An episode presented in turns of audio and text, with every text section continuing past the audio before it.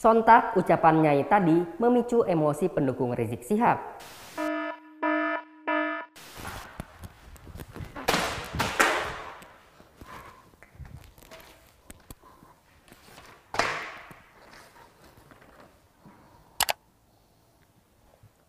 Selamat datang di Berita Buru-Buru, terdepan dalam mengobarkan. Bersama saya, Mr. Kece, membahas kejadian terkini dengan buru-buru, sehingga Anda harus mencari referensi lain.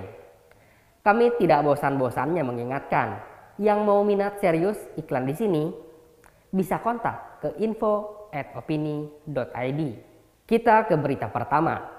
Setelah rancangan Undang-Undang Minuman Keras kini muncul rancangan Undang-Undang Ketahanan Keluarga. RUU ini langsung menuai pro dan kontra. Bagi yang kontra menganggap draft undang-undang tersebut terlalu mengatur hal yang sifatnya mikro alias privasi. Pasalnya disebutkan bahwa jika undang-undang ini jadi disahkan, pemerintah akan memantau dan mengevaluasi keharmonisan keluarga paling tidak setahun sekali. Wah, wah, wah, wah. Kok bisa pemerintah memantau keharmonisan keluarga? Gimana caranya? Bau jadi aparat moral keluarga. Apa iya pakai kuis chemistry pasutri artis ala-ala acara TV? Atau mungkin pakai prank menguji kesetiaan layaknya konten youtuber? Ayolah, urungkan saja niat kalian ini. Udahlah nambah kerjaan kalian, privasi warga sipil juga terganggu. Karena jangankan pemerintah, pasutrinya sendiri saja belum tentu tahu apakah mereka sedang hidup harmonis atau tidak. Karena seperti pepatah mengatakan, hidup pernikahan adalah hidup penuh misteri.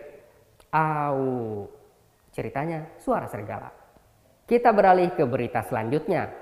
Aksi begal dengan target pesepeda makin sering ditemui.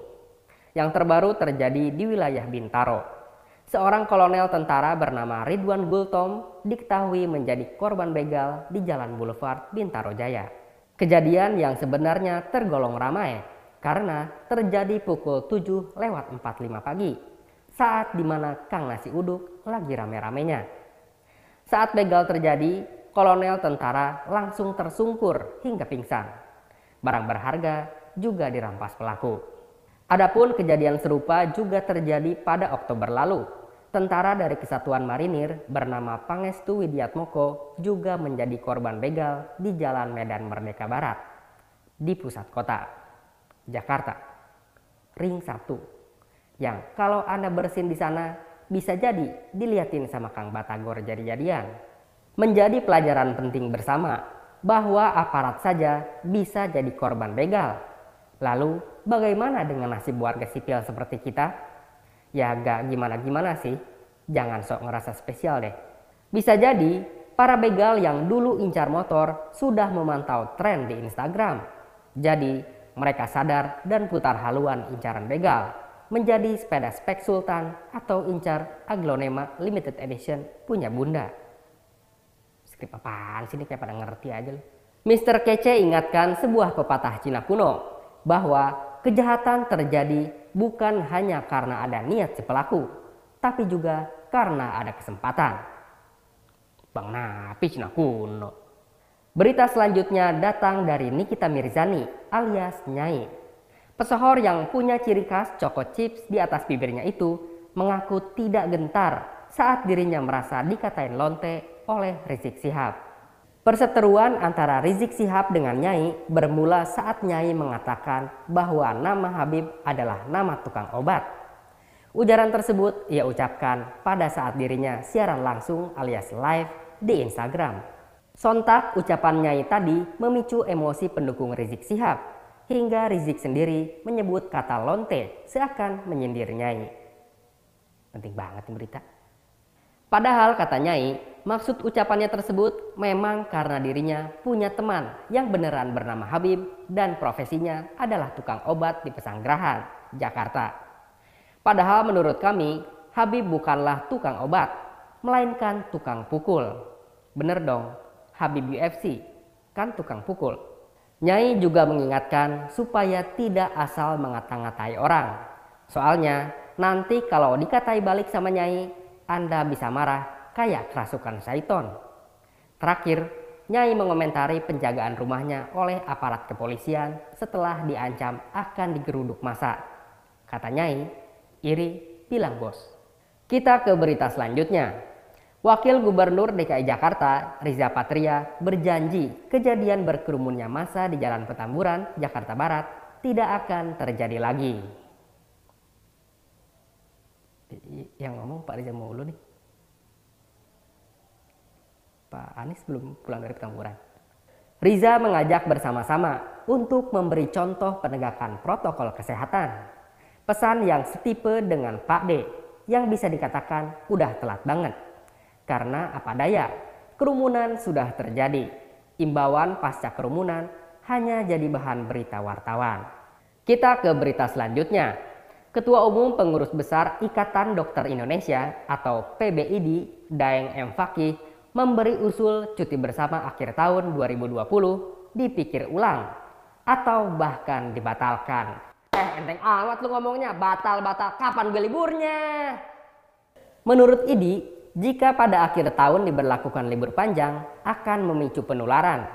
Hal ini berkaca pada pengalaman libur di Agustus dan Oktober 2020. Kalau protokol kesehatan nggak jalan, tapi hari libur bersamanya dibatalkan, itu sama aja bolot dong, Mali. Kita kan sudah optimal kerja, boleh dong memanfaatkan ganti libur lebaran kemarin. Mending idi usulin aja supaya pemerintah benahi penanganan COVID-19. Emang gak jelas? Karena yang kami yakini bukan liburnya yang salah, tapi emang manusianya aja gobloknya kebangetan. Berita selanjutnya datang dari Makassar. Sejumlah warga memberi kafan pada seekor buaya karena dipercaya adalah keturunan manusia atau kerabatnya. Sampai-sampai buaya mungil tersebut disambut dengan upacara adat. Buaya tersebut muncul dari sungai Talo. Meski sungai adalah habitat alami buaya, entah mengapa warlock alias warga lokal di sana menilai buaya itu janggal. Kebiasaan ini menurut kami amatlah berbahaya, mengingat satwa ini tergolong hewan buas. Senang mencari mangsa dan pastinya follow Anya Geraldine. Selain itu, tindakan mengkafani buaya adalah tindakan keliru. Seperti kita ketahui, mengkafani merupakan simbol kematian. Maka yang harusnya dikafani adalah cicak.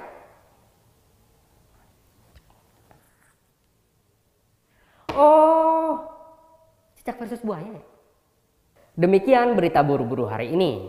Berita buru-buru membahas kejadian terkini secara buru-buru, sehingga Anda tetap harus mencari referensi lain. Sampai jumpa di edisi selanjutnya. Masih bersama saya, Mr. Kece, terdepan dalam mengobarkan. Dapat tuh episode juga, gini-gini aja. Kayak itu kertasnya kebanyakan kosong. AdSense juga banyak di skip. Views juga nggak sampai jutaan. Dapat gerahnya doang gua. Dapat kayak gimmick banyak.